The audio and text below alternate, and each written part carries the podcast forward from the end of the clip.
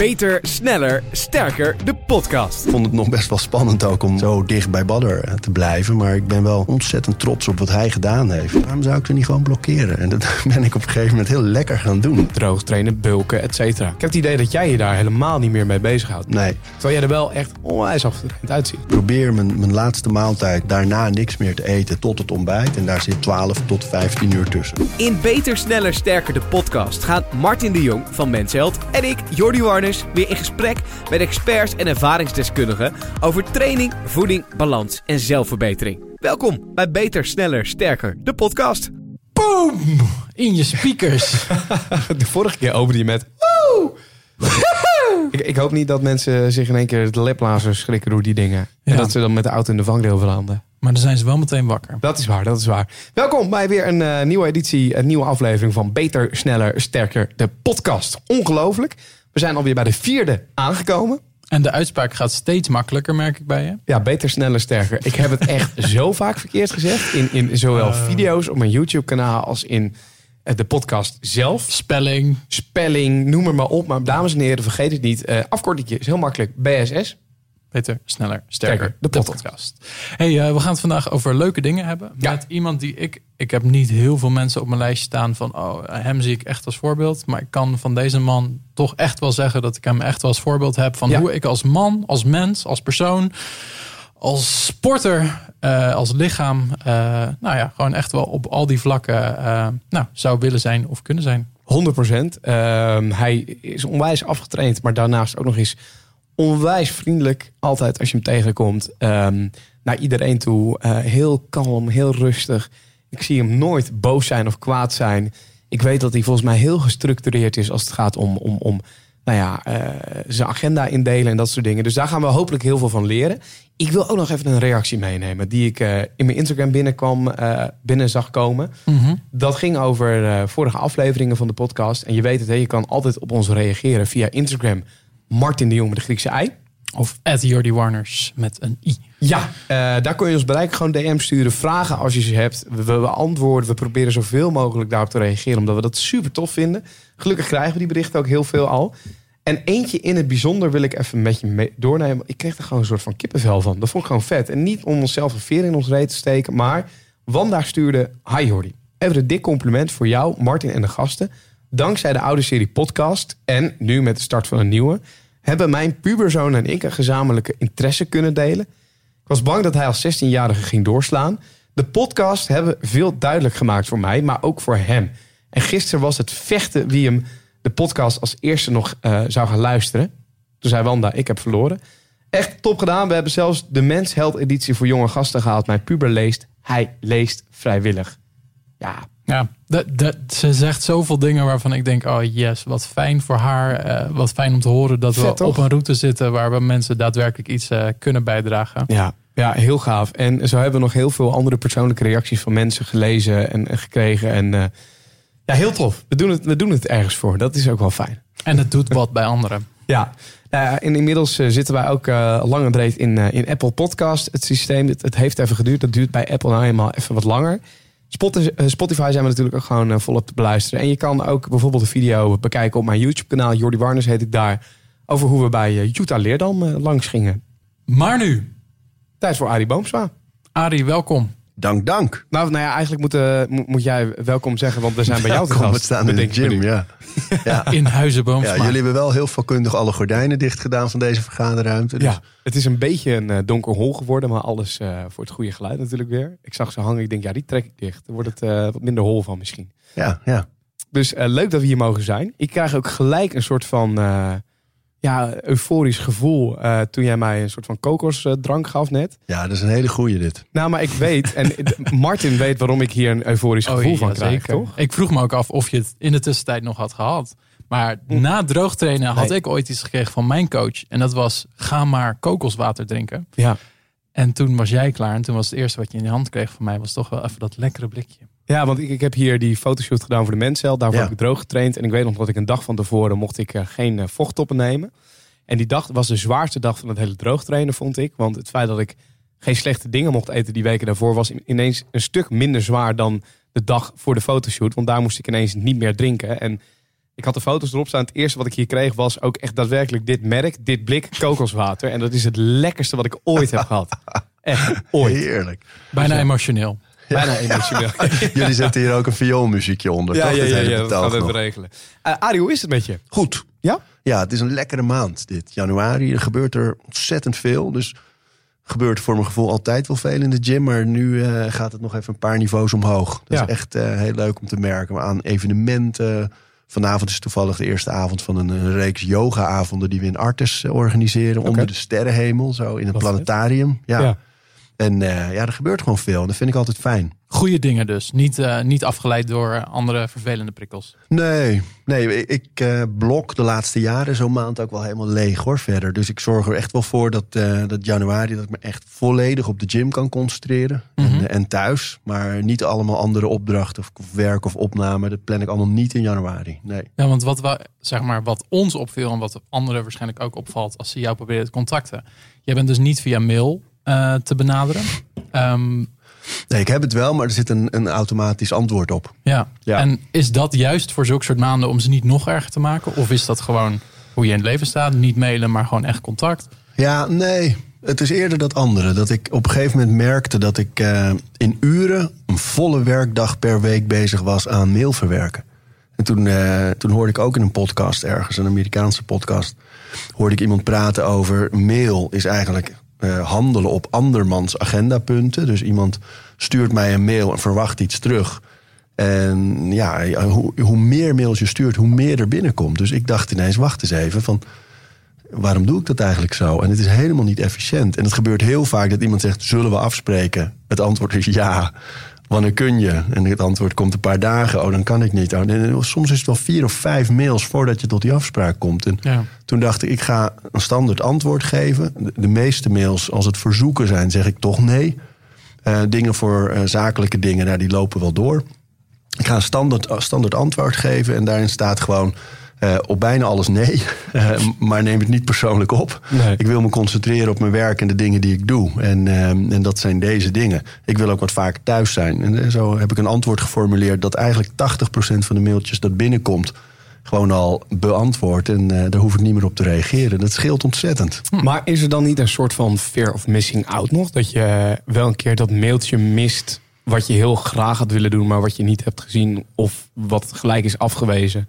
Nou, eh, ehm, die fear is er niet. Dat valt wel mee. Eh, deze jaren gaan voor mij heel erg over nee zeggen en, eh, en, juist niet te veel doen. En, en te concentreren op eh, de dingen die nu belangrijk zijn: de boeken, Ja. de gym, het gezin. Ehm, dus die fear is er niet, maar wat er, ik lees ze wel gewoon. Dus ik kijk wel wat komt er allemaal binnen. Ja. En eh, Ah, oké. het voordeel van dat Dit is antwoord het geheim wat nu iedereen weet. Hij checkt ze gewoon. nou ja, ik lees hem, maar het voordeel is, ik hoef niet meer te beantwoorden. Ja. Dus ik kijk, oh, dit Nee. komt binnen, dat komt binnen, dit hoef ik niet. Verwijder, verwijder, verwijder, verwijder, verwijder. En als het iets belangrijks is, of bijvoorbeeld zakelijk heel interessant of leuk om te doen, dan stuur ik het in één keer door naar mijn agent zonder antwoord. En die pikt dan het contact op en die kijkt eh, of we er iets uit gaan halen of niet. En heb je nu die uren terug? Merk je dat je Ja. zeg maar die vier uur die je net noemde nu in je week terugvindt? Ja, zeker. Ja, nee, het was echt een volle werkdag. Ik zat echt zo rond de acht, negen eh, uren per week aan de mail. En, ehm, en ook vaak s'avonds nog of 's ochtends juist mijn dag ermee beginnen. En dus dat is de combinatie van die twee dingen. Die, dat automatisch antwoord zorgt ervoor dat de meeste dingen niet beantwoord hoeven te worden. Nee. En daarnaast eh, kies ik nu heel zorgvuldig mijn momenten. Dan, dan check ik het even. Dus ik check rond half tien. Check, check ik één keer mijn mail. eh, zo rond ene nog een keer. En dan eh, vier of vijf uur. En dan is het klaar. Dus ik ga niet bijvoorbeeld nog om half tien even kijken of er nog iets is binnengekomen. Is dit onderdeel geweest van een, eh, een groter plan voor jezelf om Ja. eh, effectiever te, te werken? Ja, want ik merkte gewoon, eh, met name toen ik nog heel veel tv maakte, eh, maakte ik soms wel zes, zeven programma's per jaar. En rond elk programma zat een mediadynamiek met interviews en optredens. En ehm, toen kwam Vondelgym erbij en ik werd vader in die periode voor het eerst. Ja.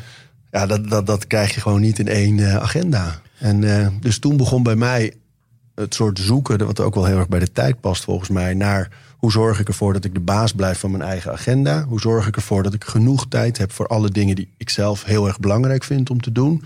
En als ik bijvoorbeeld aan een boek werk, dan- kan ik wel op allerlei leuke opdrachten ja gaan zeggen, maar dan komt er niks van dat boek. Dus je moet ergens een beetje afwegingen maken van dit zijn de prioriteiten, daar wil ik mijn tijd aan investeren. En ik kan me niet laten leiden door, oh, dit is leuk, ja, doe ik. Oh, die vraagt dat, ja, doe ik. Dan ben ik ineens constant alle kanten eh, word ik dan opgestuurd. Terwijl Ja. ik niet meer zelf bepaal. En, en daar gaat het voor mij erg over. Maar is, een, is nee zeggen dan eigenlijk een soort wat als formule? Dus stel ik krijg een vraag, dan, dan ben ik bang misschien om nee te zeggen. Omdat ik dan denk, ja maar wat als ik puntje puntje. Is dat dan het deel wat je uitschakelt op het moment dat je begint met nee zeggen? Of hebben we het eigenlijk over iets anders? Ja, ik, ik moet eerlijk zeggen, kijk, ehm, ik begon in 1998 als zelfstandig ondernemer. Way back. Ja, way, way back. En in het begin was alles wat ik kreeg waar ik een beetje geld mee verdiende mooi. Dus ik zei op bijna alles ja. Want, want oh ja, dan kan ik mijn geld ermee verdienen. Er zat heel weinig visie achter en dat was gewoon bouwen. En dit is voor alles een tijd. Dus ik heb, ik heb jarenlang, zeven dagen in de week, keihard werken. Weinig tijd voor relatie of andere dingen in mijn leven. Het was gewoon vooral ambitie, doorgroeien. Ja, ja, ja, ja, ja, gaan, gaan, gaan. Vanuit de gedachte, als ik dit doe, komt daar misschien en dat. En ik kom, weet je, dat, dat, dat er een soort groei is, een ontwikkeling. Een beetje egoïstisch ook, zeg maar. Je moest Ja. voor jezelf Ja, kiezen wat je moest bouwen, doen. Ja. Echt bouwen. En nu zit ik op een punt dat ik heel duidelijk heb... die gym, dat is echt mijn, mijn grote werk. De televisiedingen die ik doe... hebben vaak daarmee te maken met sport en gezondheid. Eén keer in de zoveel jaar maak ik een mooie eh, docu-reeks of zo... om eh, eigenlijk meer een mooi maatschappelijk thema te behandelen. En verder is er gewoon... Ja, en mijn boeken. En, eh, en verder is er gewoon weinig ruimte voor extra werk en zo. En dat vind ik nu eigenlijk ruis en, het hoeft ook niet. Ehm, dus die angst van, oeh, als ik het niet aanneem dan, die, die, die is gelukkig weg. En eh, dus ik kan nu heel zorgvuldig kiezen. En ik vind de meeste dingen, kijk, soms word ik voor hele leuke dingen gevraagd. pff, nou ja, televisieprogramma's waar je mooie reizen voor mag maken. Of ehm, Podcasts. een podcast. ja, absoluut hoogtepunt in het jaar. Graag gedaan. En dan nog, weet je, ik, eh, ja, eh, waarom doe je de dingen die je doet? En eh, je kan elke avond naar een, een opening, een gallery, een, ehm, een, een, een première. Een, een, eigenlijk is elke dag is er wel iets. En als je overal ja op zegt, dan hou je gewoon geen tijd over voor thuis. En dan hou je geen tijd over voor echt goede concentratie op het werk dat je wil doen met, met, met boeken en, eh, en de Nee. gym. Dus dat is voor mij de reden om het zo te doen. En ja, d- dat werkt nu heel goed. Ik heb veel meer structuur. En waar ik bang was vroeger dat ik, eh, als ik kinderen zou krijgen, minder ambitieus zou worden, want het gaat vooral om de kinderen, is, Ja. is mijn ambitie juist veel zuiverder en gretiger geworden. En ik hoorde laatst, want, want daar deed jouw vraag me aan denken.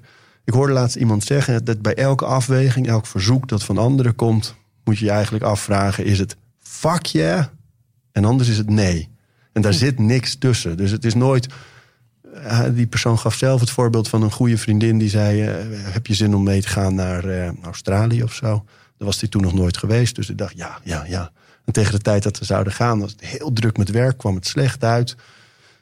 Je moet nooit die afweging maken van: Oh ja, want als ik het doe, dan komt dit er misschien uit. Of als ik die opdracht aanneem, dan haal ik daar misschien weer dat uit. Dat, zo werkt het gewoon meestal niet. En, eh, dus als, als je niet ergens heel enthousiast over bent, of dat je het heel leuk of heel belangrijk vindt, dan moet je het gewoon niet doen. Ehm, als we het dan eens doorvertalen naar eh, een gemiddeld persoon die eh, misschien wel een kantoorbaan heeft of, of een andere baan waarbij die eh, een baas heeft, dus daar meestal naar heeft te luisteren, maar daarnaast misschien ook een gezin en dergelijke. Ehm, ik denk wat heel veel mensen doen, is dat die plannen in hun agenda alleen de dingen die ze moeten doen, toch? Als het gaat om werk of als het gaat om een afspraak met die, een, een, een dit en zus en zo. Maar Ja. moet je ook in je agenda inplannen wanneer je chillt? Bijvoorbeeld? Eh, Of wanneer je gaat sporten? Nou, zou ik wel doen. Want op het moment, kijk, ik, ik, bijvoorbeeld mijn trainingen zet ik altijd in de agenda. Ja. Ehm, zodat dat het anker is in mijn dag ook. En de, de rest van de dingen die vallen daar eigenlijk omheen. Goeie.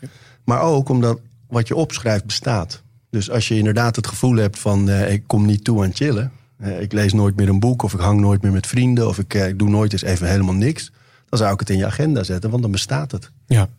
En, en weet je, dat, anders gaat het zo. In onze levens allemaal, die zijn zo vol en er is zoveel te doen en er is zoveel afleidingen, zoveel leuke dingen en we willen ook overal zijn. Dat als je het niet hebt opgeschreven, dan is dat ook het eerste dat sneuvelt. Want dan denk je, ja, ja, in deze dag, nou ja, dit is mijn lijstje. Om één uur dit, twee uur dat, drie uur dat, vier uur dat, vijf uur dat, zes uur dat. En hup, wegtraining. En draagt daar een vast ritme aan bij? Ja, totaal. Ja, ja. En, en hoe ziet bijvoorbeeld dan, dan jouw ritme er in een week uit? Zeg maar, sta jij op vaste tijdstippen op? Ga je op vaste tijdstippen naar bed? Ja, ja, ja, ja, ja. Ja. Ja, ehm, kijk, ik heb, mijn kinderen zijn echt jong. Dus wij zijn, ik ben heel vroeg wakker. De, meestal zijn ze rond zes uh, zijn ze actief. En Lekker, dan, eh, ja. ja, dan ben ik er dus ook. Ehm, en ik, omdat ik weet dat elke dag om zes uur begint... zorg ik ervoor dat ik eh, mijn winst pak aan de avond. Dus als je, ik wil gewoon kans hebben op acht uur slaap, elke nacht. Oké. En dat betekent dus dat ik eh, tussen half tien en tien echt aanstalten moet gaan maken. En, eh, want anders red ik die acht uur gewoon niet. Nee. En dan nog kan het gebeuren dat er een kind ziek is of, of, of wakker wordt s'nachts. Weet je, het is vaak nog wel onderbroken. Maar dan maak ik in ieder geval kans op acht uur. Dus ik heb daar een vast ritme. Zelfde tijd naar bed, zelfde tijd op. En ik heb een vast ritme in mijn dagindelingen. Dus hoe ik mijn tijd verdeel over de gym en andere werkzaamheden. En waar mijn schrijven zit. En eh, veel dingen doe ik elke dag. En, en met schrijven kan dat betekenen dat ik vandaag eh, twee minuten schrijf. één zin die in mijn hoofd zit. Of Ja. een aantekening maak. Maar wel elke dag in ieder geval even aandacht besteden. En meestal wordt het gelukkig wel meer. Maar zo eh, probeer ik eigenlijk een vast ritme te bouwen, ja. En wat is dan de laatste verschuiving geweest? Dat je bijvoorbeeld één afdeling daarvan groter of kleiner wilde maken? Ehm, de laatste verschuiving is geweest dat ik nu heel concreet aan een boek bezig ben. Dus dat, dan plan ik echt blokken in mijn agenda. Waar eerder, ehm, als ik gewoon in grote lijnen aan het nadenken ben over een nieuw boek of iets, dan, dan kies ik gewoon elke avond. Het maakt er niet uit of het 's ochtends vroeg is, of 's middags na de lunch, of 's avonds voor het slapen gaan. Dat ik even snel een paar aantekeningen maak of een klein alineaatje schrijf. En nu ben ik echt aan het werk ermee. En dan eh, bouw ik gewoon Elke dag heb ik wel die minuten, een half uur of een uur. En, maar ik bouw ook een paar keer in de week echt een blok van twee, drie uur in ervoor. Maar kijk, als ik naar jou kijk, zie ik een heel evenwichtig persoon. En ook jouw leven lijkt heel erg in balans. Maar is jouw brein dan ook zo? Of heb je juist al die structuren nodig omdat je eigenlijk een complete meloot bent daarboven? Zeg maar? ja. Nou, ik moet eerlijk zeggen dat ik wel. eh, ik maal veel. Als ik niet die structuur heb, ehm, dan ga ik wel veel kanten op. Ja, en eh, ik kies ook heel bewust. Trainen is voor mij mijn hele leven al een soort punt geweest in de dag. Waardoor ik kalm en, en enigszins wel overwogen ben. En goede beslissingen nemen, een beetje optimistisch blijf. En daar is de laatste jaren is daar meditatie, ademhaling en zo allemaal bijgekomen. Juist omdat ik weet, als ik dat niet doe, dan ren ik door. En zo'n dag als ik hier vandaag bijvoorbeeld heb, dan heb ik ene afspraak na de andere. Dan bouw ik half uur en drie kwartier afspraken. Of ik doe één afspraak lopend. Of, eh, en dat gaat de hele dag door. En als ik dan niet een beetje tijd neem voor trainen, voor mediteren, voor stilte, voor ademhaling. Dan, eh, ja, dan kom ik echt heel hyper thuis. En dan, Ja. eh, Maar volgens mij ben je dan ook wel een extreme multitasker. Want ik weet nog, mijn vriendin die jij niet kent, was een keer in de, in de gym, omdat ik daar was. En toen was jij bezig met een clinic geven voor Reebok. En toen stopte je en toen zwaaide je achter in de zaal naar iemand. En, en mijn vriendin die kijkt zo achterom en die denkt, nou... En toen zwaaide je nog een keer en ze kijkt, oh, ze heeft, dus zij zwaait terug. maar dan ben je toch met iets bezig. En ondertussen vind je ook nog de ruimte om op andere, zeg maar, die pijl even een soort momentje te maken. ja, ja, dat is wel ook wel, vind ik. Kijk, ik Dat zie je, dus dat is even een compliment. Maar ik vraag me af hoe dat kan dan. Ja. Ja, ik, ik geloof eerlijk gezegd dat, dat eh, multitasken echt als fenomeen eigenlijk niet bestaat. Dus niemand is in staat twee dingen tegelijk te doen. Maar wat daar denk ik dan gebeurde is... ik voel me als ik hier in de gym ben wel altijd ook de gastheer. Dus als ik een training aan het doen ben... is er iemand voor een rondleiding, wat ik waarschijnlijk dacht... eh, eh, daar bezig, dat ik even contact maak. Ja. Ehm, wel altijd op een manier dat wat ik aan het doen ben... er hopelijk niet onder leidt. Dat is natuurlijk wel... eh, Of mijn relatie. Ja. Nou, er was iemand jaloers, dat hoor ik. Nee. Maar weet je, dus ik, ik probeer wel, ik vind dat namelijk in, eh, in sport, in, in gym zijn, eh, een van de belangrijkste punten. Dat er het gevoel is van een sportvereniging, dat iedereen even gezien wordt, dat er Ja. aandacht is. En ik geniet er ook heel erg van, als je juist als je druk hebt en juist als je veel aan het doen bent, al- als je altijd wel heel erg het moment durft te kiezen. Dus als, even los van dit moment, maar als, als wij hier nu dit staan te doen, dan wil ik dit staan te doen. En niet ook nog met allemaal andere dingen in mijn hoofd zitten. Of, of, of eh, ongeconcentreerd zijn. Dus ik probeer altijd heel erg snel, en dat komt echt van die televisieperiode dat ik zoveel tegelijk deed. Eh, ik ben nu hier aan het opnemen, dat moet ik dan heel goed los kunnen laten. En nu ben ik in het volgende moment, dan moet ik daar volledig zijn. En dat is wel iets, ik wil niet op shuffle staan. Maar ik wil wel goed snel kunnen schakelen tussen, Ja. tussen de momenten en de aanwezigheid. En de- daar heeft dus iets aan bijgedragen. Je hebt het over die tv-periode. Wat ervoor gezorgd heeft dat jij dit drastisch dan voor jezelf moest aanpassen. Ehm, hoe als, als iemand nu luistert en denkt, ja, ik, ik, ik moet een gestructureerde, een gestructureerder leven gaan krijgen, maar ik ben het nooit gewend geweest. Dus ik heb dit nooit vanuit ouders meegekregen, bijvoorbeeld. Of hoe pak je zoiets aan? Hoe ga je met jezelf te werk? Hoe, hoe pak je jezelf als project bij de handen en denkt, nu moet ik hier wat aan veranderen? Ja, ik denk wel dat dat per persoon heel erg verschilt natuurlijk. Maar in hele grote lijnen denk ik dat het allemaal begint in de ochtend. Ehm, logisch genoeg begint de dag ook dan. Maar ik denk ook, als- als je daar je structuur goed hebt. Want iedereen kent het gevoel dat als in de ochtend de dingen misgaan. en Net iets te vaak gesnoest, wat je sowieso natuurlijk nooit moet doen. Het allereerste voornemen van de dag overboord. Snoes. Oeps. Ehm, en, en je nachtrust door de houtversnipperaar. Maar los daarvan, als je dag zo begint, je snoest te veel, je stoot je teen, eh, je hebt net niet goed gegeten. Je ziet pas na de tweede afspraak dat er nog tandpasta in je mondhoeken zit. Zo'n Ja. dag, weet je, die haal je gewoon niet meer in. En ik denk als je die ochtend strak hebt, dus je staat altijd op hetzelfde tijdstip op, ook in het weekend. Want ja, waarom zou je jezelf een korte jetlag aandoen door ineens in het weekend uit te gaan slapen? Elke dag op dezelfde tijd opstaan. En dan een vaste structuur. Een van de dingen die mij heel erg helpt, dus bijvoorbeeld, ik heb nu kinderen, dat is mijn wekker, maar daarvoor ook om niet mijn telefoon als wekker te gebruiken. Oké. Want wat ik deed is, dan eh, gaat hij, ik pak hem en het allereerste wat ik doe is, dan Ja. zit ik alweer in die telefoon. Terwijl dat, het geeft, ja, maar dat geldt voor bijna iedereen. Alleen het geeft een heel gejaagd gevoel van het begin van de dag. Want ik, ja, je hebt een soort gewoontes van als ik op die telefoon zit, check ik mijn berichten. Ik check Instagram, ik check mijn mail misschien. Eh, weet je, dat gaat allemaal automatisch eigenlijk. Soms heb je niet eens door zelfs. Nee. Wordt, wat, wat gaat er nu door jou heen, eh, Jordi, als je dit hoort? Nou ja, ik herken, Freak. dit, ik, ik herken dit compleet. Ehm, want eh, ik heb mijn telefoon ook naast mijn bed liggen. Er zit een draadloos oplaadpuntje in, weet je wel. En eh, ik, ik zet mijn wekker ook op mijn telefoon. Ja, jij hebt natuurlijk allemaal van die technische snufjes thuis, of niet? Ja, vind ik heerlijk. Ik ben echt een, een gadget freak. eh, ehm, en die telefoon ligt daar. En het is inderdaad die wekker gaat. En dan, en dan leg ik hem wel eerst even weg. Maar dat duurt Snoes. 10 seconden. Nee, ik snoes hem niet. Oké. Het duurt 10 seconden dat ik hem wegleg. En dan denk ik, oh, even lekker op, even lekker op Instagram. Even kijken, even kijken. hè, nieuwe dag, eh, dat. En dan zit ik zo 10 minuten op dat ding te scrollen. En dan denk ik bij mezelf, waar ben ik eigenlijk mee bezig? Ik ben onwijs verslaafd aan dat ding. En ja, het zorgt ervoor dat ik gelijk aansta. Nou, weet je, ik hoorde... Ben Bergron heeft ook die podcast Chasing Excellence. En die is echt heel erg aan te bevelen. Maar die had het erover, die kwam bij iemand eten. En ehm, tijdens het eten ging de telefoon.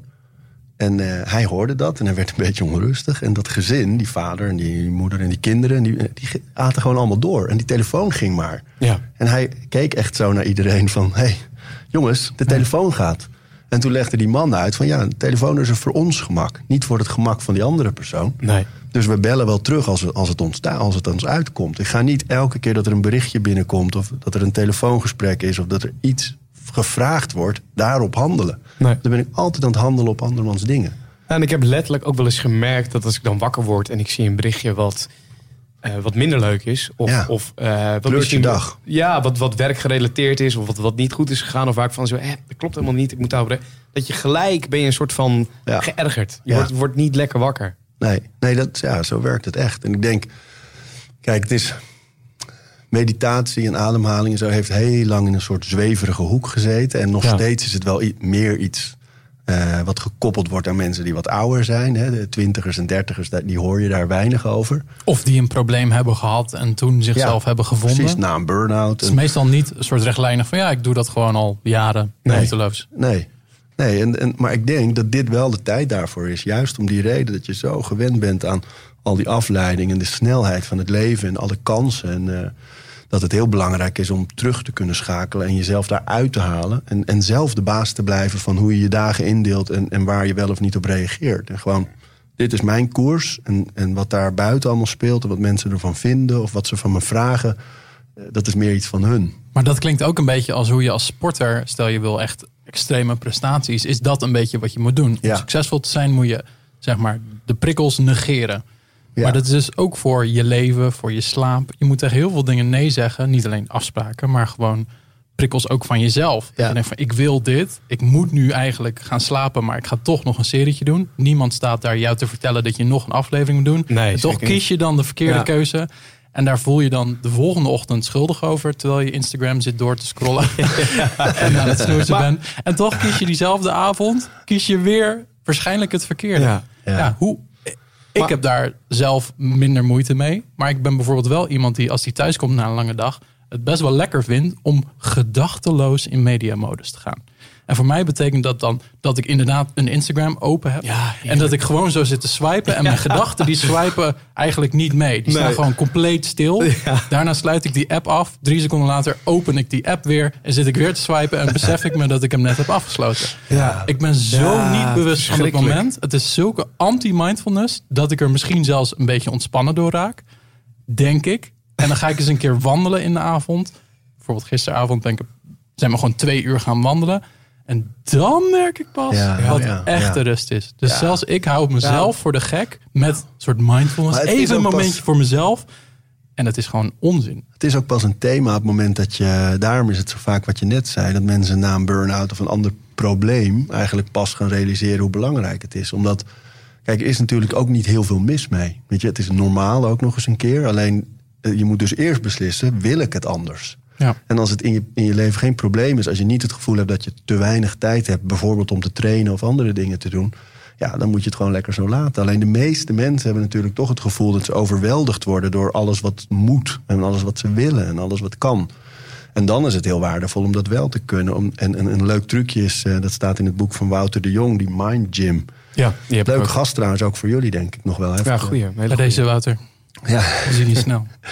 En eh, daar staat bijvoorbeeld in dat, dat wat hij altijd doet om te zorgen dat hij niet dat, dat achterloze eh, social media gedrag of telefoongedrag gebruikt. Dus als hij zijn telefoon kijkt, kijkt hij altijd eerst hoe laat het is. Dus hij kijkt, eh, hij ziet de tijd en dan gaat hij erop. En dan weet hij dus ook, wacht, en dan is hij heel bewust van de, de tijd, de tijd die hij daarop doorbrengt ook. Ja. En dat is wel een mooie, omdat Goeie. je schrikt echt als je die functie op je, op, je, op je iPhone ziet van schermtijd. Bij iedereen is dat ja, toch Dat is voor niemand leuk. drie, Nee. vier, vijf uur per dag al snel. Dus dan hoef je ook nooit meer tegen iemand te zeggen dat je geen tijd hebt voor wat dan ook. Want je hebt kennelijk drie, vier, vijf uur elke dag weer Ja. om dingen te doen. Laat ik dan een andere vraag stellen. Want eh, we hadden het net over ochtend. Hè? Zodra je goed in die ochtend begint, ehm, merk je dat alles gedurende de dag ook beter gaat. Is er dan zoiets als een ochtendmens en een avondmens? Ja, dat is zelfs wetenschappelijk. Nog een boekentip eh, van Isbrand van der Werf. Dat is een hoogleraar eh, aan, de, aan de VU. En die heeft een heel mooi boek over slaap geschreven... waarin hij ook gewoon zegt, het is gewoon wetenschappelijk. Je hebt ochtendmensen en, en avondmensen. Dat heeft te maken met de melatonine eh, eh, die vrijkomt of, eh, of op gang komt.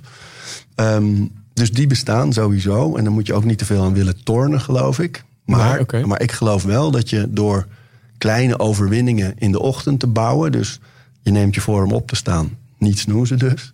Eh, je begint je dag in rust in plaats van met afleiding. Eh, stel je neemt je voor, ik ga koud douchen. En je doet dat ook, is weer een overwinning. Z- Zo kun je wel iets positiefs opbouwen... waardoor je veel productiever die dag ingaat. En veel positiever vooral ook. Een soort momentum van positiviteit. Ja, Dus hoe ja. meer dingen lukken, hoe makkelijker het daarna wordt om een nog betere keuze te maken op iets wat je misschien normaal gesproken heel moeilijk vindt. Volgens is mij is het idee. precies dat zelfs. Het is een beetje vergelijkbaar met wat iedereen kent... die op een gegeven moment lekker in het sporten zit. Dan wordt Mhm. het ook leuker om goed te eten. Dan wil je ook gaan vroeg naar bed... want je wil uitgerust zijn voor die volgende. En je zit ineens in een hele positieve golf. En die kun je in het klein creëren elke dag weer... door gewoon positieve momenten in die ochtend te plannen... en, en ze ook echt te doen. Ja. Terwijl het tegenovergestelde is ook, die negatieve spiraal kent ook iedereen. Ik zit er even niet zo lekker in. Ik bestel net iets te vaak eten, voel me futloos. Negatieve gevoelens. En eh, ja, dat kan je kenteren door zelf gewoon die dingen in te bouwen. Ja, waarom zou je niet doen waar je wel controle over hebt? Dus er zijn gewoon dingen die je altijd wel kunt doen. En sommige dingen heb je geen invloed op. Ja, dat is buiten je macht, maar Ja. veel dingen wel. En dwing jij mensen dan een beetje die, die misschien heel negatief zijn, een beetje buiten jou, jouw leven? Is het dat je die een beetje afstoot of minder toelaat, zodat je zelf positiever blijft? Nou, ik heb, ik heb lange tijd bijvoorbeeld op social media, eh, met name in de tijd dat het vooral nog Twitter was voor mij, ehm, heb ik lange tijd gehad, ik wil nooit, nooit, nooit censureren. Dus zelfs mensen die echt met haat kwamen, dachten, ja, dat, ik laat het gewoon bestaan. Ja. En op Instagram ben ik daar op een gegeven moment in veranderd. Want ik merkte, Instagram is veel positiever over het algemeen. Het begint, nou, als je wat meer volgers krijgt, begint dat ook wel een beetje te komen dat er af en toe zo'n gek tussen zit Ja. of, een, of een troll. Ehm, maar daar ben ik op een gegeven moment gewoon gaan zeggen: waarom zou ik dit toelaten? Weet je wel, op mijn account. Waarom zou ik als, als iemand echt met haat komt of echt hele flauwe dingen, of ze gaan andere mensen die ergens op reageren aanpakken op mijn account. Waarom zou ik ze niet gewoon blokkeren? En dat ben ik op een gegeven moment heel lekker gaan doen. Dat- dat- dat- Daar dacht ik ineens van wauw, dit is gewoon een soort zuivering van de. En dan gaat het dus niet om kritiek, hè? Want ik hou Nee. van een stevige discussie. Maar echt. Als het Nee, maar maar gegrond is. is, Ja, normaal is. Precies. Als echt haat en spugen en gewoon alleen maar dingen posten om een reactie te ontlokken of om iemand echt onderuit te halen, dan, ja, dan blok ik het gewoon lekker. En dat gaf heel veel rust. Ja, weet je wat ik, dat- als ik hier zo naar luister en het in mijn hoofd een beetje soort van samenvat, vind ik het eigenlijk bizar dat ik ehm, jou nog steeds als een toegankelijk persoon zie. Als iemand die ik heel makkelijk kan bereiken. Eh, terwijl jij wel allerlei systemen hebt ingebouwd, waardoor jij niet de hele dag meer bezig bent met afwijzingen of met nee zeggen of dat soort dingen. Ik weet, ik stuur jou een Instagram berichtje ehm, en ik krijg daar reactie op. En, en, en ook een hele waardevol eh, reactie. En ook, weet je, als, we, als ik jou hier tegenkom, dan eh, is het heel vriendelijk. hey, hallo, hoe is het? En, en, en je hoofd daar continu bij. Hoe kan dat dan toch nog allemaal zo zijn? Nou, ik denk juist door, door die twee dingen allebei erin te hebben. Dus kijk, ehm, als ik jou hier tegenkom, eh, we kennen elkaar inmiddels een beetje, dan, dan is het normaal, vind ik. En sowieso, als ik Ja, mensen tuurlijk. hier tegenkom, Ja. is het normaal om een praatje te maken en open te staan. En dat vind ik heel normaal. En op Instagram ook. Eh, Je kent zelf ook wel het verschil tussen iemand die een vraag stelt omdat ze contact willen hebben of omdat ze eigenlijk hun eigen kennis willen etaleren. Of iemand die een vraag stelt omdat er ja, echt een vraag is. Ja. Of, of dat er een, een behoefte is aan con- contact op een mooie manier. Dat, dat onderscheid maken. En ik denk juist omdat dat ik veel nee kan zeggen... en dat ik bepaalde mechanismen heb ingebouwd... om het een beetje overzichtelijk te houden... is er ook meer ruimte voor echt contact. Want, want Martin, hoe, hoe kijk jij daarnaar? Hoe, hoe denk je? Want ik denk dat wij één ding heel goed gemeen hebben met elkaar. Wat, wat misschien door heel veel mensen ook heel snel irritant gevonden kan worden, is dat. Nou, komt Ik ben heel benieuwd. Nee, nou, ik, ik herken het, maar ik durf het te zeggen omdat ik het misschien nog wel erger heb. Ehm, als iemand mij een WhatsAppje stuurt, nou, dan kan iemand soms drie dagen, soms vier dagen wachten op een antwoord van mij, terwijl ik het wel al gelezen heb. Ja, Iets in mij heeft geen zin om te reageren. ja. Niet omdat die persoon niet leuk is. Ehm, niet omdat die persoon iets stuurt wat ik niet leuk vind. Nee, dat heeft helemaal niks mee te maken. Het- In mijn hoofd is er op dat moment geen zin om te reageren. En denk, ik doe het later wel. En nou ja, dan een week later lees ik soms een appje en denk ik, ja, het wordt heel gênant Ja. als ik nu nog ga reageren. Sorry, oma. Nee, Ja. maar, die, nee, maar ik denk dat dat heel goed is. Alleen, eh, ik, oh nee, je vraag was eigenlijk aan Martin. Nou ja, nee, maar ik, tenminste, ik, ik weet niet of Martin hetzelfde probleem Nou, ik heeft. heb hè, maar, elke dag dit probleem. En, eh, ja, jij ook in je functie bij Mens Health natuurlijk. Ja, nog er eens. zijn heel veel mensen die een antwoord nodig hebben als je mijn werk doet. Ehm, en iets in mij kan soms direct reageren. En precies het andere stemmetje zegt: hmm, Was je niet bezig? Ga dat maar even afmaken. En dan heb ik hem al gelezen en dan vergeet ik te reageren. Dus ben ik dan heel goed bezig met wat ik moet doen? Of ben ik juist slecht in mijn functie omdat ik soms mailtjes dus compleet verwaarloos? Ik denk dat het een en het ander niet uitsluit. Maar ik merk wel dat het best vervelend is als je niet reageert en anderen daar een kutgevoel over hebben. Dus sommige mensen reageer ik op de man af altijd. Omdat ik weet dat dat mensen zijn die daar gevoelig voor zijn. Mijn vriendin zou ik niet laten hangen bijvoorbeeld. Nee, Terwijl precies. jou kan ik best drie uur niet reageren. en als jij, prima. en Drie als uur valt nog mee, ja, ja. Wij bellen dan heel makkelijk en dan Ja. is dat opgelost. Ja. Dus ik heb Arie ook een keer een dag laten hangen. En toen dacht ik, oh ja, ben Kan benieuwd. best. Ja, Kan best. dus ik, ja, misschien zijn we allemaal te bang om degene te zijn die, die niet reageert. En is het uiteindelijk helemaal niet zo erg als we een keer. eh, weet je wat volgens mij waar het een probleem wordt? Is dat omdat je het wel gelezen hebt, zit het ook in je hoofd. En reageren is ook afronden. Eh, Ja. Of iets nieuws ontketenen en dan kan het een probleem worden. Maar wat er vaak gebeurt is dat je een mailtje leest. Je bent in je hoofd aan het nadenken erover. Je leest het appje, je bent in je hoofd aan het nadenken erover. Op een gegeven moment zit je hoofd gewoon vol met allemaal dingen die je eigenlijk zou moeten beantwoorden. En, en- daar zit geen ruimte meer. Dus dan is het gewoon echt leegmaken, antwoorden. En ik doe met dat trucje van wat jij net zegt, is eigenlijk te laat om nu nog. Ik heb soms maanden een bericht eh, erin zitten. En dan zeg ik: hé, hey, ik ben nu aan toegekomen om mijn mailbox eh, Ja. eh, schoon te vegen. Sorry voor het trage antwoord, maar. En dan komt hij. Nou ja, ik vind het, want, want ehm, ik vind het bij, bij mezelf soms ook een hele nare, naar iets. Omdat ik dan ook vrienden heb die mij een berichtje sturen. En ik heb die vrienden hartstikke hoog. Ik vind het, superleuk vrienden. Maar iets in mij heeft gewoon geen zin om dat contact nog allemaal aan te gaan of zo. Geen idee. misschien zit het te vol. Of, of, of ik weet niet waar het probleem zit. Maar jij herkent het dan Ja. dus niet helemaal zo, begrijp ik? Als, als wat ik in zeg, het is meer bij jou omdat je op dat moment met anders bezig bent. Schuif je het even aan de zijkant. Ja, Ja, ik je doe heel dat vaak je geen zin hebt om bepaalde contacten van vroeger vaak weer aan Nee, te dat is het ook niet. Het zijn ook wel contacten die ik, eh, nou, eh, weet je, niet per se ieder weekend, maar eens in zoveel tijd weer in de kroeg even een gezellig babbeltje mee doen, met praten. Die ik ook wel in het verleden mee op vakantie ben geweest, bij wijze van spreken. Vrienden die ik ook wel wat langer en leuk vind om te spreken. Maar niet altijd zin heb of zo om dat sociale contact aan te gaan op een of andere manier. Misschien moet jij gewoon ook eens wat meer uitstaan, zeg maar. En dan Ja, ook naar vrienden en naar werk. Eh, je hebt natuurlijk een mobiel die altijd bij is. Maar je hebt ook iets in je hoofd. Waarschijnlijk ben je altijd bezig met een show voorbereiden. Maar dan in je hoofd. Ik ben benieuwd wat de momenten zijn dat je complete leegte ervaart. Ja, en is dan complete leegte. Eh, vind je... Klinkt zo gezellig. Complete le- nou, maar, maar ik vind het wel een mooi bruggetje van complete leegte naar, naar meditatie. Want volgens mij is meditatie, als ik het goed begrijp, ook een manier om die complete leegte op te zoeken, toch? Ja. Dus je beste bruggetje so far. eh, Ja? Ja, vind ik helemaal heel Lekker. sterk. Ik ga vooruit in mijn bruggetjes. Dat vind ik fijn. Ja, is het zeker. Ja. Kijk, ehm, het is leuk om eens een lijstje, als je googelt ehm, ehm, CEO's meditation, Ja. dan komen er echt nou, de, de allergrootste namen van mensen die wij allemaal bewonderen. De, de Bill Gates en Ray, Ray Dalio. En weet je, echt wel gewoon mensen die in hun vakgebied van alles gepresteerd hebben op het allerhoogste niveau.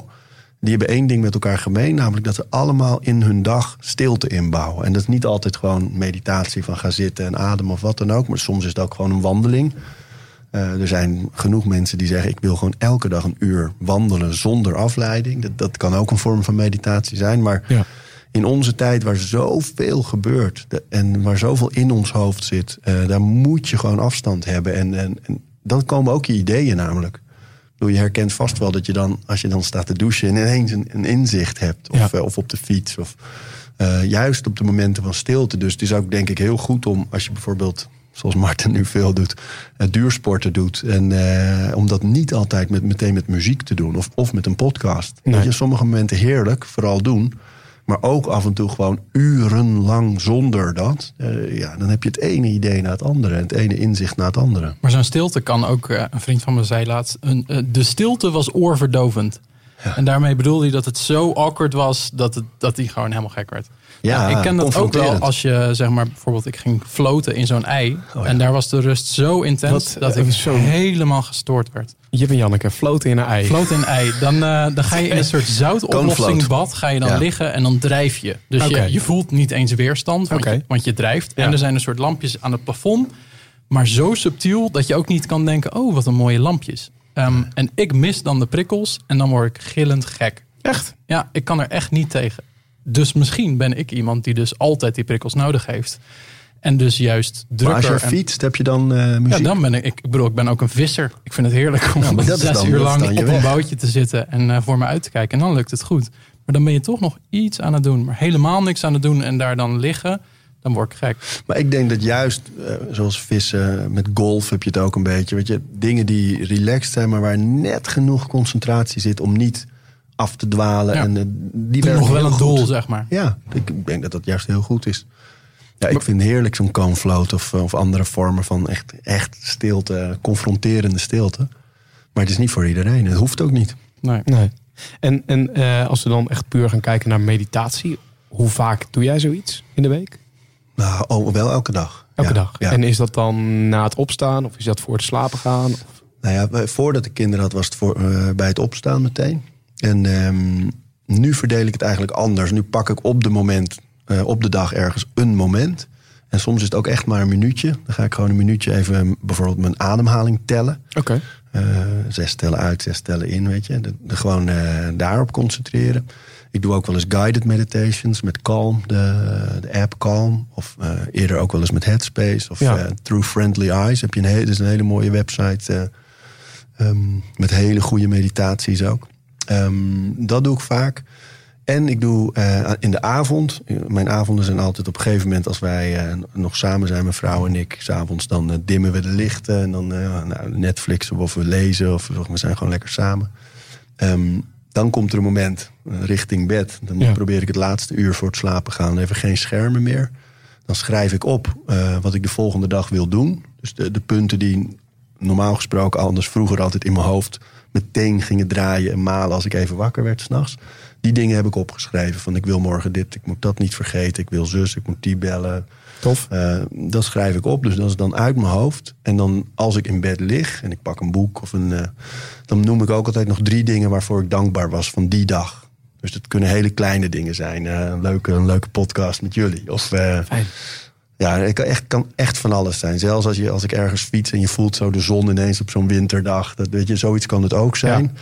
Of gewoon dankbaar voor wat, wat mijn kind deed. Of weet je, het kan van alles zijn. Maar drie dingen noem ik op. En dat geeft me een soort positief einde, maar ook een soort rust voor het slapen gaan. En uh, dus dat zijn, vind ik eigenlijk ook vormen van meditatie, al, al zal je het niet snel zo noemen eigenlijk. Nee. Super mooi. Um, Jordi, wat was de Golden Gate brug? Ik zocht een bruggetje. Zo. Je hielp absoluut niet mee. Arie en ik die keken Golden aan. Gate, Ja, Golden ah, Gate Bridge. ja. Komt hier in Compleet verziekt. Het schijnt dat ze die Ehm, trouwens verven als ze daarmee beginnen, hè, daar bij San Francisco. Dan op het moment dat ze klaar zijn, moeten ze aan het begin weer beginnen. Holy Oh god. Ja, zo lang eh, duurt dat. Maar ik weet niet of dat alleen vroeger zo was of nu nog steeds. Wauw. De Golden Gate Bridge. Dat gaan we onderzoeken. Bruggetje, hè? Het Ja. bruggetje De San was, Francisco eh, Niners. Ik ben benieuwd, eh, we gaan het even over sport hebben. En eh, degene die dat eigenlijk het best kan introduceren is eh, Bram Strik, onze sportcoach. En hij heeft weer een wekelijkse tip. En ik ben benieuwd waar het over gaat. Tip van Strictly Powerhouse. We gaan het hebben over programmering. Want wat je bij veel mensen ziet, is dat ze al heel snel veranderen van oefeningen. Sommige mensen veranderen zelfs elke week eh, van oefeningen. Variatie is goed, maar kan pas na een tijdje. Want als je echt resultaat wil zien, kan je beter dezelfde oefeningen zo goed mogelijk doen voor een tijdje. Vier tot zes weken. Het liefst eigenlijk zes weken, want dan weet ik zeker dat je het goed doet. En dan zul je veel meer resultaat zien dan dat je elke week iets anders doet. Dus probeer iets eerst heel goed te doen voordat je al gaat veranderen. Ah, Bram is leuk, man. En goed. Goeie vent. Ehm, Ja. Vind je dit, eh, de- ben je het hiermee eens, niet mee eens? Of, Jawel, kijk, kijk, hij is natuurlijk een powerlifter ook. Hè? En eh, wat dat betreft klassiek in de schema's. En zeer goed in zijn werk trouwens. En, en ook wat hij daaromheen heeft gecreëerd. Dus zeker waar. Ehm, Maar jij bent maar ook niet vies van een uitdaging die niks met een plan te Nee. maken heeft. nee, maar kijk, ehm, de reden dat ik zeg wat hij zegt is waar. Is omdat de meeste mensen denken in progressie natuurlijk vooral in kracht of volume. Of eh, ik wil sterker worden, ik wil... ja. Ehm, en in al die vormen, de, de meest meetbare vormen, dan is dit heel belangrijk. Vier tot zes weken of zes tot acht weken, één schema volgen. Ehm, oefeningen hoogstens in herhalingen aanpassen, maar niet de oefeningen zelf. En dan word je er gewoon steeds beter in. Ehm, dus dat is allemaal waar. En eh, ik zit zelf op een punt na ruim 30 jaar krachttraining. eh, dat ik het leuk vind om mezelf elke dag weer te verrassen. Dus als ik mijn schema's bouw, dan is het eigenlijk zo: ehm, ik heb een, een eh, benendag. Ik heb een bovenkant 1, dat is rug, armen. Ik heb een bovenkant 2, dat is borst, schouders. Ehm, ik heb een conditiedag, een mobiliteitsdag, dat is yoga, pilates, mo- mobility. Ehm, en zo verdeel ik mijn dagen. Dus ik heb nooit meer dan twee ijzerdagen achter elkaar. Eh, dus stel, eh, vandaag heb ik eh, benen gedaan. Dan heb ik morgen waarschijnlijk conditiedag en pas nooit meer dan twee ijzerdagen. Even, even voor de leek. Ik bijvoorbeeld. Ja, ja. Wat is een ijzerdag? Oh, ijzerdag is krachttraining met, met gewichten. Oké. Dus, ehm, en mijn schema's bouw ik wel rond klassiekers. Daar zal Bram trots op zijn. Dus er zit altijd een deadlift, een, een, een, eh, een bench variant of een eh, squat variant in. Voor de rug en de borst en de, en de benen. En daar bouw ik omheen. En ik zorg dat ik in elke training eh, iets doe wat een beetje speels is. Dus dat zijn vaak eh, oefeningen die ik op Instagram gevonden heb. Of die ik een keer wil leren of proberen. En er zit Ja. een heel speels, speels element in. En die conditietrainingen, dat is gewoon lekker diep gaan. En eh, die mobiliteitstrainingen doe ik gewoon om, eh, om pijntjes te voorkomen en eh, sterker en soepeler eh, te worden. Dus Ja, ik ben het met hem eens en zelf doe ik het net anders. Maar ik heb het wel mijn hele leven zo'n beetje zo gedaan als hij nu zegt. En ik geloof daar ook heel erg in eh, als je echt progressie wil meten. Het brengt je wel ergens. Absoluut. Maar ik zie bijvoorbeeld jou in de afgelopen tijd, om ze even een beetje op te sommen. Ik heb jou een plate hold challenge zien doen. Dat je eigenlijk een, een, een best wel zware plaat vastpakt, een schijf. En dan die omhoog moet cleanen en dat die dan niet losgaat. Ja. Iedereen gaat het dan doen. Eh, ik heb een dansje gezien Ja. eh, laatst. Ja, een soort van hackensack-achtig dansje, maar dan net iets anders. Ja, voor de heupen. Eh, Koala Challenge, de Glute Challenges. Je probeert heel veel dingen uit. Ja. Ehm, is dat uit nieuwsgierigheid? Is dat een beetje gewoon kijken hoe die, die trends dan zijn? Ja, dat zijn de speelse dingen achter zo'n schema. Dus stel bijvoorbeeld op een, eh, op een benendag. Dan zal ik eh, een gewone squat hebben of een, of een hack squat of een, eh, of een box squat. En er zit altijd een squat variant in. Dan doe ik wat kleine beendingen omheen. Ehm, en dan heb ik vaak aan het einde iets dat ik gewoon leuk vind om te proberen. Wat wel met die groep te maken heeft. Dus dat Ja. kan inderdaad die, die Nordic curls. Dat zijn die glutes. dat je zo naar voren valt. Nou, je, je hamstrings gaan eraan. Maar dat zie ik dan ergens, of, of bij een van de trainers. Of, eh, en en dan, dat wil ik dan proberen. En eh, nou, soms lukt het nog niet meteen, dus dan probeer ik het De in een schoen was even drie De dagen. Dat duurde even, ja. Maar het zijn wel, het zijn soms wat gekkige dingen, maar het zijn wel altijd dingen die belangrijk of functioneel zijn. Dus ik, ik want je ziet op Instagram natuurlijk ook heel veel gekkigheid. Gewoon van die persoon in de gym wil je niet zijn. Die, Op eh, een dumbbell eh, ja. staan zo hoog mogelijk en Ja. een eenwieler erbij. Zeg maar. Ja, nee, dat allemaal niet. Het moet wel er echt functioneel zijn. Dus of een goede stretch, of een pittige oefening, of een uitdagende beweging, of een, weet je, maar wel altijd correct. Ja. En, ehm, en ik vind het heel erg leuk, wat ik nu merk, ehm, is als het anderen ook inspireert of uitdaagt om, om het ook te proberen. En dat ehm, lukt altijd. ja, nou en het grappige is, eh, soms lukt het mij niet en dan lukt het anderen wel. Dat vind ik ook mooi. Dus ik vind het gewoon heel erg leuk om te zien. Eh, vroeger, ik train al nou, lang. Alleen eh, de laatste jaren maak ik pas echt content van mijn training. En ik denk nu pas een jaar of zo dat ik echt al mijn trainingen post en al mijn oefeningen. Nou, niet al mijn oefeningen, maar veel.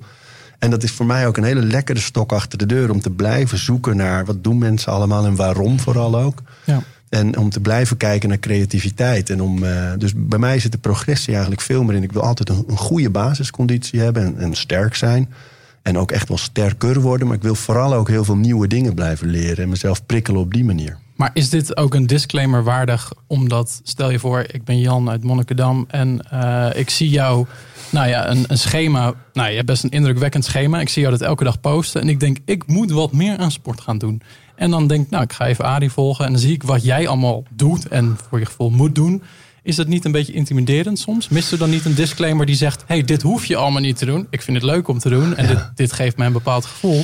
Maar als je Nou. begint met sport, hoef je niet allemaal bar, eh, Nee. toast-to-bar oefeningen te doen. Het mag ook wandelen zijn als het ware. Zeker, ja. Dus ik doe die één keer in de maand doe ik die Q&A's. In de, en daar zet ik dat bijvoorbeeld vaak in. Van denk vooral in beweging.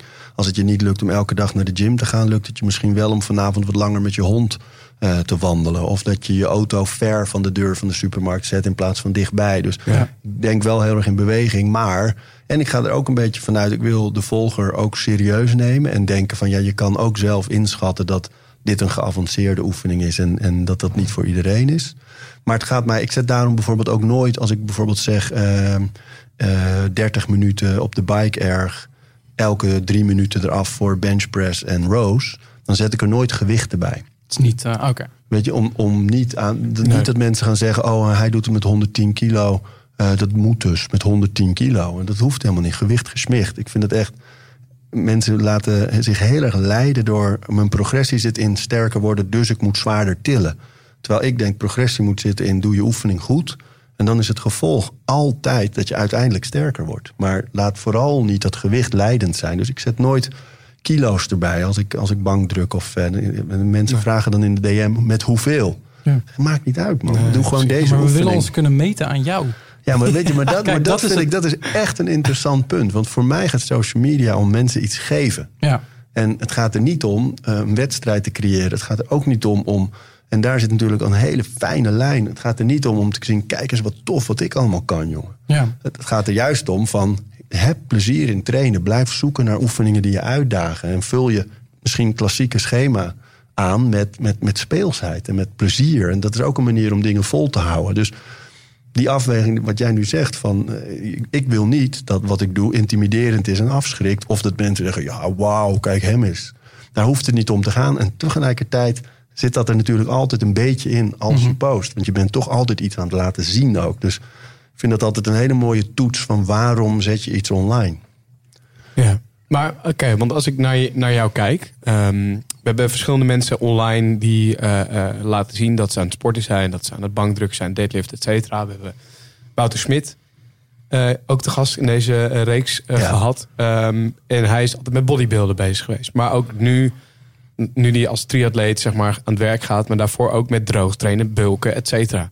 Ik heb het idee dat jij je daar helemaal niet meer mee bezighoudt, toch? Met, met, met bulken, daarna droog trainen of heel erg in de spiegel kijken. Met welke lijnen wil ik naar voren laten komen, of wat dan ook. Nee. Terwijl jij er wel echt onwijs afgetraind uitziet. Ja, maar ehm, kijk, als ik eh, voor de mens help, eh, voor een shoot, dan ben ik natuurlijk ook bezig met. Het moet wel echt goed droog zijn, of goed Ja. gedefinieerd, of eh, niet te droog. Ja, met al dat soort dingen, dan ben ik er wel mee bezig. Maar voor mij in trainen. Vroeger was het echt wel anders. Iedereen heeft de periode gehad dat als je net begint en je denkt: wow, kijk mijn lichaam veranderen. Strakke Ja. shirtjes aan. Weet je wel, dat heb ik natuurlijk ook gehad. En nu zie ik uiterlijk heel erg als gevolg van hoe ik leef. En niet als doel. Nee. Dus het is niet mijn doel om een, om een, een, een ripharde eh, sixpack te hebben. Maar het is wel, als het goed is, een gevolg van hoe ik train en leef en eet. Maar Ja. ik denk niet dat je dat gehad zou hebben, dat je nu zo vrij zou trainen. mm, Zo van, nou, we zien wel hoe het loopt. Als je dat nooit had meegemaakt. Ik Nee. denk wel dat jij van, Ja. nou, die heb ik gedaan, die heb ik afgevinkt. Nou, ik weet dat dat me wel of niet iets opleverde. Nu kan ik weer verder met dingen die me wel echt iets Ja, maar, maar, maar dan ontstaat, als je niet uitkijkt, het gevoel van het is alleen maar bijhouden. En dat is weer niet. Ik denk, als je bijvoorbeeld die crossfitters bij ons bekijkt, hè, zo'n Nienke van Overveld of Jeremy Reinders, maar die hebben echt perfecte definitie. En, eh, Ja. en elk spiertje is te zien, maar ze zijn er zelf totaal niet mee bezig. Het is een gevolg van hoe ze trainen en leven. Dus ook bij mij, kijk, natuurlijk zie ik het wel als ik in de winter heb gezegd van december, ik gooi alle remmen los, ik eet alles wat los en vast zit.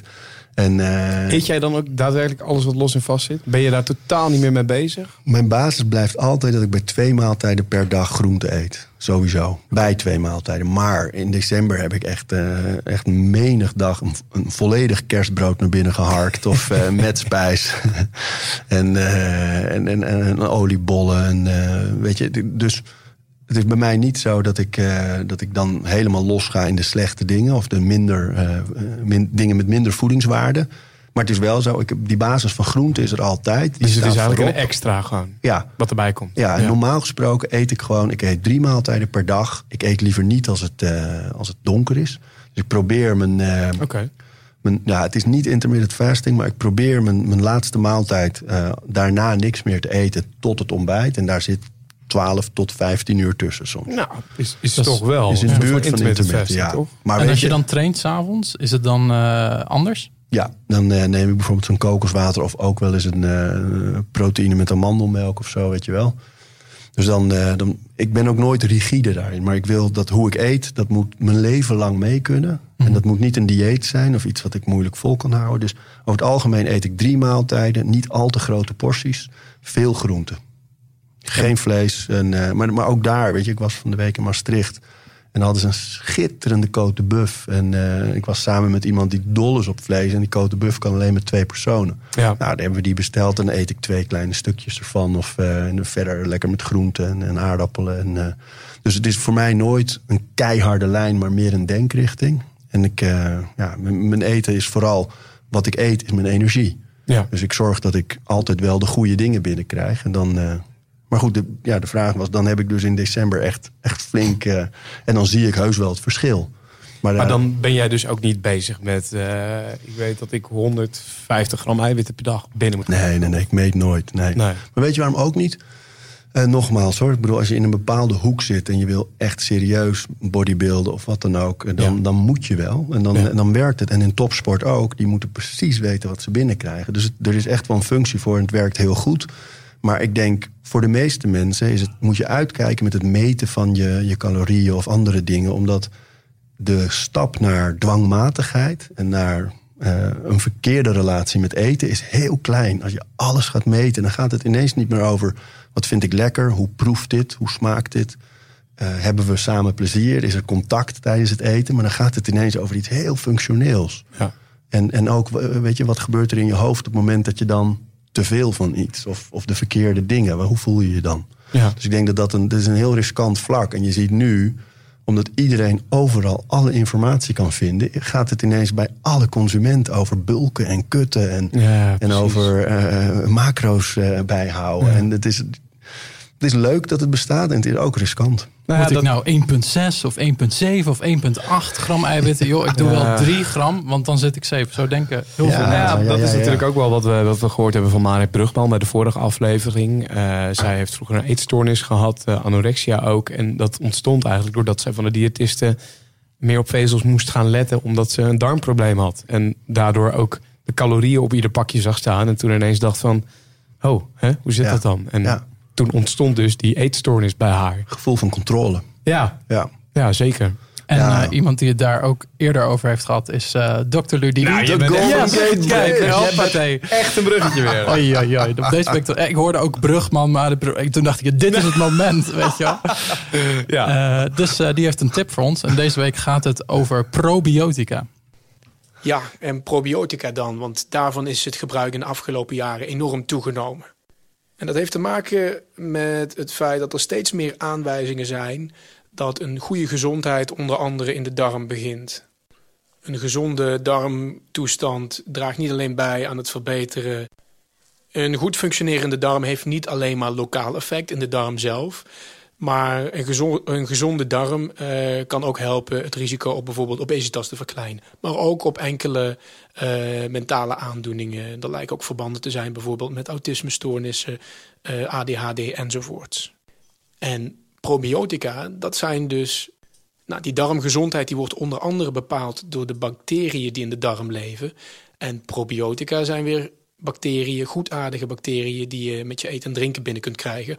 Om ervoor te zorgen dat die darmbacteriën ook in balans blijven. Zeg maar, zodat de slechte bacteriën niet de overhand nemen. De slechte bacteriën die voor ziekte zorgen. Nou, hoe die goedaardige bacteriën, die probiotica precies werken, dat weten we eigenlijk niet. Maar het lijkt erop dat ze onder andere het immuunsysteem kunnen beïnvloeden. En daarnaast, en dat is wel heel grappig, lijkt het ook zo te zijn dat bij sommige aandoeningen een soort van placebo-effect eh, lijkt plaats te vinden.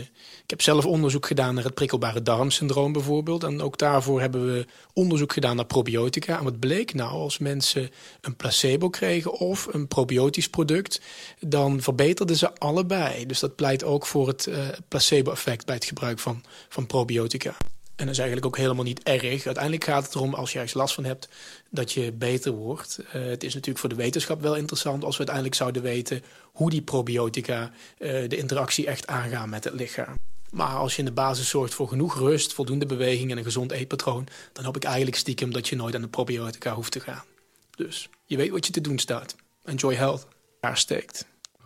Kijk, hij eh, omschrijft het in zijn eh, boek eh, De Vastenmethode waarschijnlijk ongetwijfeld. Maar het is, het is dus best een complex antwoord. Het is geen ja of nee. Nee. Ehm, dus eigenlijk is zo'n vraag van, nou stel ik neem bij het tankstation elke keer een Yakult flesje, schiet ik daar wat mee op? Ja, het is dus, het is dus een beetje onbekend terrein. En er zullen absoluut onderzoeken zijn die het bevestigen en ook die het ja, ontkrachten. Maar Ik hoorde Richard de Let, weet je wel? Is ook wel leuk, Ja, leuk ik, is om eens eh, uit heb ook in de podcast gehoord. Bij Wilde Haren. eh, Ja. Ja. maar die hoorde ik zeggen, probiotica zijn vooral ook heel erg handig als je bijvoorbeeld een antibiotica-kuur hebt gehad. Om, om eh, het evenwicht weer een beetje te herstellen. En, eh, en wat ik ook interessant vond, wat Samefco zei, is dat het eigenlijk ook niet zo heel veel uitmaakt als het placebo-effect werkt. Dat, dat vind ik zo. dat, daar kan mijn hoofd echt niet bij. nee, nee. Want zeg maar, als, als je eh, iets anders neemt, noem maar wat, een, zou een paracetamol dan ook op diezelfde manier werken? Ik weet niet, ik heb de onderzoeken niet gelezen, maar ik kan me bijna niet voorstellen. nee. Ja. nee maar, blown. Interessant, interessant. Hey, eh, dan over Ludie gesproken. Ludie die heeft ook bijgedragen aan het, eh, het, het hele voedingsschema rondom Badahari naar de wedstrijd toe. Ja. Ehm, wij zagen jou daar. Ja, dat is ook weer een bruggetje. Ja, ik vind hem schitterend. Wij, wij zagen jou eh, ook in de kleedkamer eh, tijdens dat, dat gevecht eh, zitten. Er werden vragen ook gesteld, geloof ik. Hè, waarom is Ari daar op, op dat moment? Of hoe zit dit? Ja, dat, daarmee beginnende, dat zie je vaak. Ik vind ehm, sportanalyse op televisie, dat moet je eigenlijk heel serieus nemen. Dus als je als analist ergens gaat zitten, moet je je verdiepen in een achtergrond. Dan moet je allerlei weetjes paraat hebben over Ja. de vechters, over hun trainingen, over hun hun achtergronden, weet je. En, en dat mist heel vaak bij dat soort grote wedstrijden. Dan zitten er mensen die populair zijn. En die roepen dan inderdaad zoiets zonder Ja. de achtergrond te kennen. Om, vaak gaat het veel meer eh, erger nog. Dat ze gewoon te veel niet weten. Geef Nee. me informatie die de mensen niet hebben. Dus dat daarmee beginnende. Maar eh, je vraag was? Nou, ja. Ehm, da- da- ja, wat, wat, wat deed jij ont, omtrent Badahari? Heb jij nog iets te maken gehad met die strijd tussen hem en Rico of de weg er naartoe? Ehm ja, Badder is al bijna twintig jaar een eh, vriend. Ehm, vanaf eh, de oude Chakoriki-periode, eh, toen hij met Tom Haring nog trainde. En ehm, ik denk zo'n eh, de laatste jaren, sinds we allebei kinderen hebben, is die vriendschap hechter geworden. Dus Ja. daarvoor was het ja, eigenlijk gewoon een kennis. En, en nu is het hechter. Ehm Samefco heb ik aan hem voorgesteld. Daar is die relatie uit voortgekomen. En ehm, hij traint bij ons met uh, Juri Pegel. Dus ineens die, al die factoren. terwijl ik ook echt dol ben op Rico en zeer veel waardering heb voor wat hij voor de sport gedaan heeft. Heeft het uit de donkere steeg getrokken en echt een gezicht gegeven. En eh, nu kan een kind tegen een vader zeggen: Ik wil kickboxer worden. En dan zal die vader niet meer schrikken. Nee. Dat is allemaal verdiensten van Rico. Dus eh, ik vond het nog best wel spannend ook om, om eh, ineens nu dan toch zo dicht bij Badder te blijven. Maar ik ben wel ontzettend trots op wat hij gedaan heeft. En als je uit zo'n rommelige periode komt en dan zo de boel omgooit, stabiele gezinssituatie, gefocust trainen. eh, zo terugkomen, dat, eh, dat is een prachtig sportverhaal. Dus ik vond het best ook belangrijk om nu ook gewoon daarnaast te staan. En toen hij vroeg of ik eh, erbij wilde zijn, eh, daar in de kleedkamer, heb ik ook meteen ja gezegd zonder enige twijfel. En, Ja, maar ik, ik snap het ook 100% waarom hij dit fijn zou vinden, denk ik. Omdat jouw aanwezigheid een hele soort van goede sfeer achterlaat, voor mijn gevoel. Tenminste, ehm, toen ik hier met die shoot bezig was, toen liep jij hier ook rond. Het gaf me een heel soort van, van, van vertrouwd, eh, het is goed gevoel, weet je wel. Of, of, of heb Nee, vind ik leuk dit, dat je het zegt natuurlijk. En, Ja. en, en aardig. En, en ik hoop ook dat het zo werkt.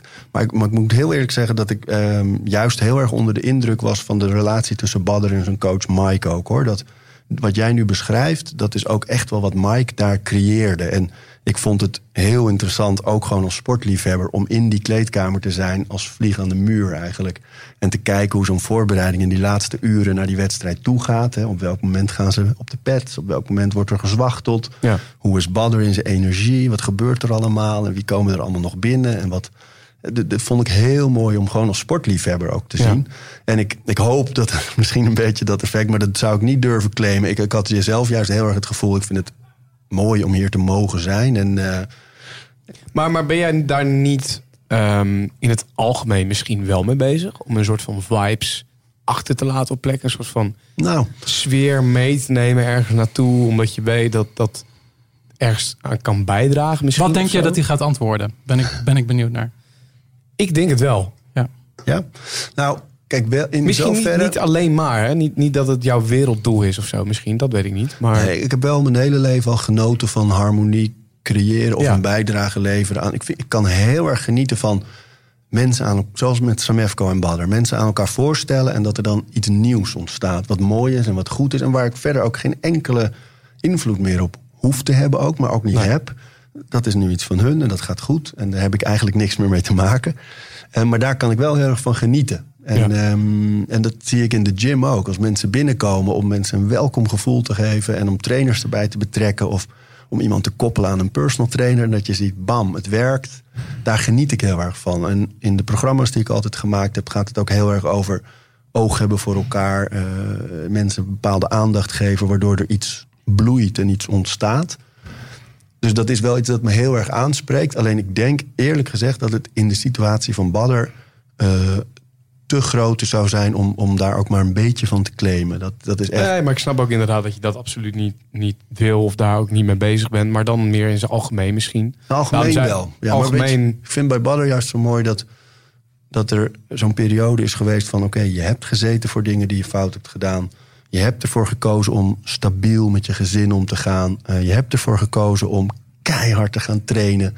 Eh, en nu hoop je dat ook die beloning komt van, Ja. eh, van al dat harde werk en van dat mooie sportverhaal. En als ik daar ook maar een kleine bijdrage aan mag leveren, vind ik het fantastisch. En dat, ja, dat probeer ik hier ook wel bij de gym te creëren. Dat iemand daar lekker in kan groeien. Dat mensen hem als topsporter gaan zien en niet als alle krantenberichten. Nee, ik denk ook dat het, dat het uiteindelijk wat er gebeurd is natuurlijk verschrikkelijk is voor zo'n badder. En ik heb totaal geen kijk in die wereld of verstand van die wereld. Maar ik denk wel dat het er voor de mainstream Nederlander misschien een klein beetje aan bij heeft gedragen. Dat Rico daarna eigenlijk gelijk Ja, fantastisch. een arm om hem heen sloeg. Ja. En ineens was die rivaliteit die daar Ik eigenlijk... voelde dat in het was weg. stadion. Respect eh, kwam terug. Ja, Ja, het was heel mooi. Het was echt. Kijk, ehm, toen ze opkwamen, er waren gewoon veel meer mensen die fan zijn van Badder. Dat is gewoon. eh, dus dat ging los. En er werd ook geboet toen Rico kwam. En dat is pijnlijk soms, maar dat hoort ook wel een beetje bij een stadion. Helaas, soms. Is Eh, dat ook, is dat, want, want dit wist ik niet. Eh, ik heb wel een gedeelte van de wedstrijd gezien, maar voor, in mijn ogen is altijd Rico de publiekslieveling. Maar dat zal waarschijnlijk dan meer bij de mainstream Nederlander zijn. Degene die voor het kickbox komt. Kijk, je hoort wel eens mensen zeggen dat eh, er heel veel fans zijn van Rico die hem nog nooit hebben zien vechten. Nee, precies. En, en dat is ook een verdienste. Want hij is natuurlijk een publieke figuur die veel meer doet dan alleen vechten. En dat is, dus dat is heel knap ook. Alleen Alleen, Jezus bijna. nou, ja, een verzoener. Ja, ja. Maar ehm, ik denk dat mensen die al heel lang in die kickbox-sport rondlopen... ehm, die neigen dan toch sneller naar Badder. Ondanks alles wat Rico gedaan heeft... en dat het niet normaal is dat je al zo lang wereldkampioen bent... en elke Nee. keer weer daar staat als topsporter. En, en Rico heeft het in zich om heel snel te schakelen tussen de fame game... Hè, de, de televisieprogramma's, de shoots, de, de andere dingen... en de topsport. En hij doet dat fantastisch. Ja. Maar in dat stadion, ja, daar voelde je wel... eh, dat was ook de kritiek van veel mensen... als je dan zegt, ja, het was zo mooi dat ze samenkwamen. Ja, maar er werd geboet. Alleen op het moment dat hij die microfoon pakte en zei wat hij zei... en dat ging heel erg over laten we elkaar steunen... en dit is jammer, maar dit is, we hebben iets moois gedaan voor de sport, enzovoort, enzovoort. Toen voelde je het omdraaien. Dus Ja. niemand boede toen Rico die microfoon in handen had. Terwijl dat had natuurlijk best gekund. Dus hij deed daar iets heel moois. En Badden reageerde daar gelukkig ook heel goed op. Dus toen was er ineens, wacht even, het gaat nu alleen nog maar om sport, om verbroedering, om mooie dingen. Om Ja. twee mannen die heel veel in elkaar respecteren, omdat ze weten welke offers ze hebben gebracht en, eh, en hoeveel ze daar echt, echt voor hebben moeten doen. En ook al het hele fenomeen vechten, hè? dat je gewoon met een andere persoon in die ring gaat staan, één op één, niemand kan je helpen. Dit is het. Dat is, dat is zo groot, joh. Dus, en dat voelden mensen. Ik vond het heel mooi. Echt heel mooi. Ik denk dat die dan op jouw doelen, op jouw, eh, ik denk dat die dan op jouw hoogtepuntlijstje stond voor die dag. Mooie momenten. Ja, nou, zeker. Ja, ja, ik vond het echt, eh, ja, echt heel mooi. Ehm, Maar ook om te zien dat Badder zo scherp was. Hè? Dus Ja. dat die, dat die, eh, die eerste hoek, als je die goed bekijkt en analyseert... zijn dekking zat hoog naast de kaak, weet je. En hij prikte hem er tussendoor. Dat was, ja, het is heel zonde dat dat gevecht niet, eh, niet door kon. Fonkelt bijna in je ogen als je het erover hebt. Ja, ja, was prachtig. Als liefhebber van die sport is, was dit echt smullen, die eerste paar rondes. Ja, jij eh, wordt binnenkort nog een keer vader. ja. ja. Eh, gefeliciteerd. ook. dank, dank. Nog. Ehm, als de vaders luisteren, heb jij een. Want, kijk, we hebben het natuurlijk net helemaal over jouw gestructureerde leven gehad. En over wat je helemaal hebt ingebouwd om voor jezelf gewoon fijner te leven. Ehm, heb je dat ook in het vaderschap proberen te verwerken? Ja, dit heeft er heel erg mee, eh, meegespeeld. Wij, toen wij eh, wisten dat mijn vrouw zwanger was van Bobby, van mijn, eh, van mijn dochter, mijn eerste kind. Toen hebben we meteen samen afgesproken van hoe gaan wij dat doen. Ehm, want mijn vrouw is jong, dus die heeft ook nog een heel leven voor zich qua eh, dingen die ze misschien nog wil doen of werk. Ehm, dus hoe gaan we het verdelen? Ja. En eh, ik was dat moment nog volop met televisie bezig en de gym, dus dat was veel. Toen hebben we gezegd, oké, dan gaan we in ieder geval de komende jaren, de eerste jaren van haar leven, gaan we het zo doen dat ik ben elke donderdag ben ik de hele dag thuis eh, met haar, met, met, met mijn dochter. En zaterdag en zondag, eh, zondag sowieso ook thuis. En zaterdag zoveel mogelijk. Dus Ja. er stonden al wat dingen op zaterdagen. Dat is gewoon een dag dat er veel gebeurt altijd. Ehm, maar goed, dat is dus al. En ik ga proberen eh, nooit voor half tien te vertrekken voor werk. En altijd met het eten thuis te zijn. Dus dat was best wel eh, even schuiven in het schema en zo. En nu met twee kinderen en een paar jaar verder lukt dat eindelijk goed. En eh, hebben wij een hele mooie verdeling. En is zij ook weer leuk met werkprojecten bezig. En daar is ook ruimte voor. Maar ik heb dus echt in die structuur wel heel veel eh, gedaan. Ik doe bijvoorbeeld nooit avonddingen. Dus ik eh, nooit. Uiteraard zijn er wel eens uitzonderingen. Ja. Maar over het algemeen pak ik, neem ik geen opdrachten aan die s'avonds zijn. En dat werkt voor mij bijvoorbeeld al heel goed. Dus dan, ja, als er dan iets leuks is als een, een opening of een gallery of een expositie of een eh, première, dan is het antwoord altijd nee. En eh, heel af en toe spreek ik met vrienden af en dan ga ik een keer eten. Maar dan heb je het echt over één keer in de zoveel maanden. Ja. Ja, dus eh, die avonden zijn van ons. En zo probeer ik eigenlijk heel veel tijd vrij te houden voor mijn gezin. En dat werkt nu goed, maar er moest, was wel even puzzelen. Maar wat kun je dan verwachten als man? Eh, Oké, je vriendin wordt zwanger. Raak je dan in paniek over je training? En hoe ga je daarmee om? Nou ja, dat, dat, eh, ja, zeker. Want weet je wat het is? Alle tijd die jij weg bent in die eerste maanden... is tijd die je van de ander eigenlijk pikt. Ja. Dus je, eh, en, en dat, dat is echt wel... Ik denk, wat voor ons heel goed gewerkt heeft... is, hoe cliché het ook klinkt... maar je moet echt hele duidelijke afspraken maken... over de verwachtingen. Van wie is er wanneer thuis? Hoe verdelen we de tijd? Wie blijft er werken? Weet je, dat, dat soort grote vragen moet je beantwoord hebben... voordat je begint, want anders ga je eraan. En, eh, en met trainen, ik denk ook die eerste maanden... eh, heb ik bijvoorbeeld heel erg teruggeschakeld. Dus ik, ik heb er genoegen mee genomen dat ik weet... ik zal niet elke dag kunnen trainen nu. Dat wil ik ook niet, want ik wil bij het kind zijn. En, Ja. Maar eh, ik kan wel. M- Mijn dochter werd heel vroeg wakker. En dan was mijn vrouw, die gaf borstvoeding. Dus die was nog veel langer wakker s'nachts dan ik. Ehm, dan ging ik bijvoorbeeld met haar wandelen buiten. Dus dan, eh, hup, die, eh, dan deed ik het in zo'n draagzak. En dan ging ik soms wel 10 kilometer wandelen. En, eh, maar dan, kon mijn vrouw nog eh, een dik uur, eh, twee uur doorslapen. Ja. En ik had lekker tijd samen. Dus dat was, en, en ik had mijn beweging. Ja. Dubbele En, winst. ja, dus zo had ik het heel erg bekeken. En, en als ik ging trainen, had ik een heel strak schema. Dat ik niet in de gym kwam en dacht, wat zal ik eens gaan doen? Want dat, die tijd was er niet. Dus heel strak op een schema en, en toch even terugschakelen. En, en bereid zijn wat offers te brengen in de dingen die je gewend bent te doen. Want je hebt al in ons leven, in al onze levens, heel veel prioriteiten. En daar komt een enorme vrachtlading aan prioriteiten komt erbij. Dus dat gaat niet. Dus je moet afspraken maken, afspraken maken. En merk, oh, sorry. Nee, ja, nee, ik- ik ben benieuwd wat dan het belangrijkste zou zijn wat jij en je kinderen weer mee wilt geven uiteindelijk. Wat is de belangrijkste levensles? Ja, voor mij gaat dat heel erg over, eh, over de openheid van geest. Dus dat je in hoe je mensen benadert, in hoe je je dromen benadert, in hoe je eigenlijk alles benadert, dat je open staat. En dat je nooit denkt. Wat ik zelf heel erg heb meegekregen, wat ik heel erg waardeer en wat mijn ouders gedaan hebben, hoewel mijn ouders heel gelovig zijn, heel christelijk, hebben ze wel altijd gezegd: ja, maar er is ook dit en er is ook dat. En kijk, Ja. dat boek is en kijk, zus is. En niet iedereen denkt er zo over als wij. En dat, dat, is, en dat is ook goed.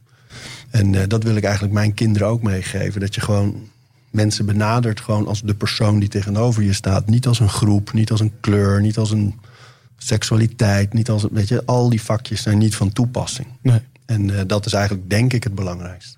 Mooi. Heb jij daar ook zo'n gevoel bij eh, na dit gesprek, Jordi?